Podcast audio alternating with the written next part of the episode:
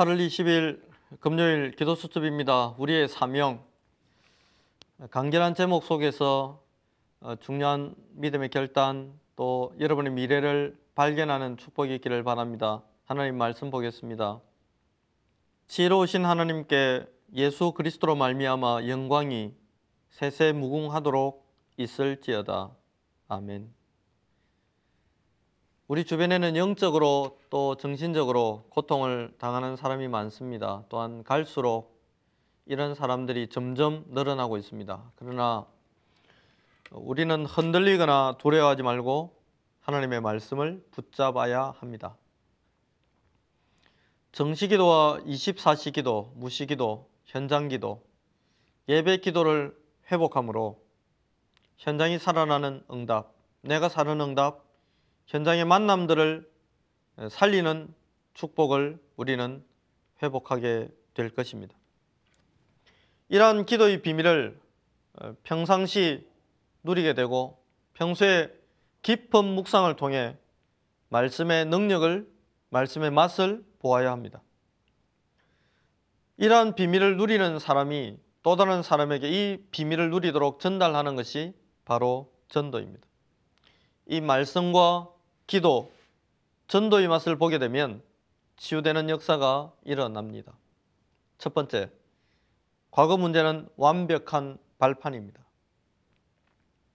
사단은 우리가 과거의 문제, 상처에 주저앉아 원망하고 불평하고 불신앙하는 자로 살아가기를 원할 것입니다.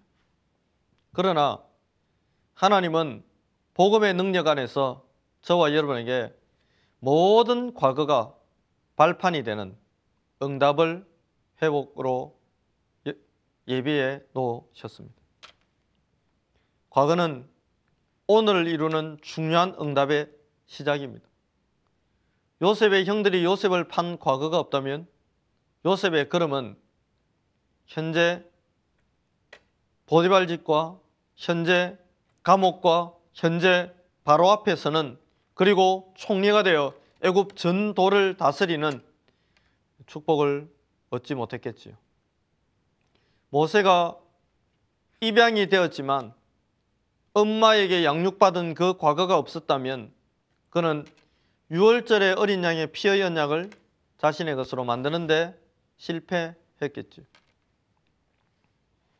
홀로 어린 시절 양을 지키던 그래서 자신의 생명을 자신이 보존해야 되는 치열한 목동 시절이 없었다면 다윗은 골리앗을 한 방의 돌로 꺾어낼 수 있는 비밀이 없었겠죠.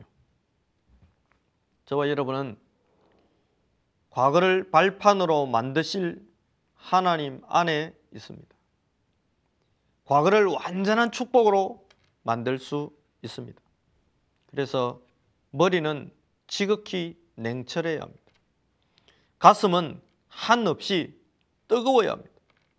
마음은 단순해야 하고 우리의 머리는 높은 곳을 향하지만 마음은 낮은 곳에 있어야 합니다. 발이 땅에 붙어 있지 않으면 떠다니지만 불안정합니다. 지금 주어진 그 현실을 하나님의 응답의 눈으로 바라본다면 여러분은 지금 성공자의 걸음을 전도자의 삶을 살아갈 수가 있습니다. 이렇게 되면 과거를 잊는 것이 아니고 철저한 발판으로 만들 수 있습니다. 두 번째, 세상을 변화시킬 준비입니다. 이미 세계 복음화의 시대가 활짝 열렸습니다.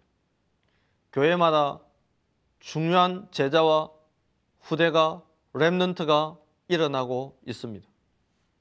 이를 통해 하나님은 지역과 현장을 살릴 구석구석의 지교회들을 세워가고 계십니다.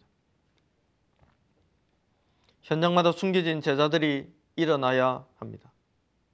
지교회를 통해 살아있는 메시지가 현장으로 깊이 전달되어야 합니다. 구석구석 하나님은 이런 응답의 현장을 준비해 놓으셨습니다. 청년들이 있는 현장, 청년들이 가는 현장, 랩런트가 있는 현장, 랩런트가 가는 현장. 그 현장을 전도의 눈으로, 복음의 눈으로, 믿음의 눈으로, 말씀의 관점에서 다시 보면 구석구석에 자료를 비치할 수 있고 구석구석에 빈 시간에 만남을 가질 수 있고 성령의 세밀한 인도를 따라 제자를 찾을 수 있는 숨겨진 응답들이 많다는 것을 발견하게 될 것입니다. 이 말씀 운동을 할 때 곳곳에 빛이 비추어지게 되고 저와 여러분이 있는 현장에는 하나님의 나라가 임하게 될 것입니다.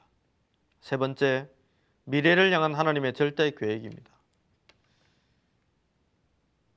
과거를 발판으로 만든 사람, 오늘을 임마누엘 속에서 최고로 만든 사람, 그 사람에게 미래는 당연히 기대와 설레임으로 다가올 것입니다.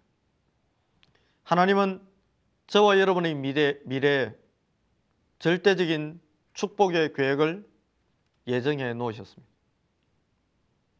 요셉이 오늘 속에서 죄수가 되기도 하고 오늘 속에서 노예가 되기도 했지만 그를 향한 하나님의 절대 계획은 견고했습니다. 모세가 살인자가 되기도 하고 도망자가 되기도 하고 패배자가 되기도 하고 낙심자가 된 것처럼 보이지만 그를 통한 출애굽의 역사를 이룰 하나님의 완벽한 미래 계획은 누구도 막을 수가 없습니다.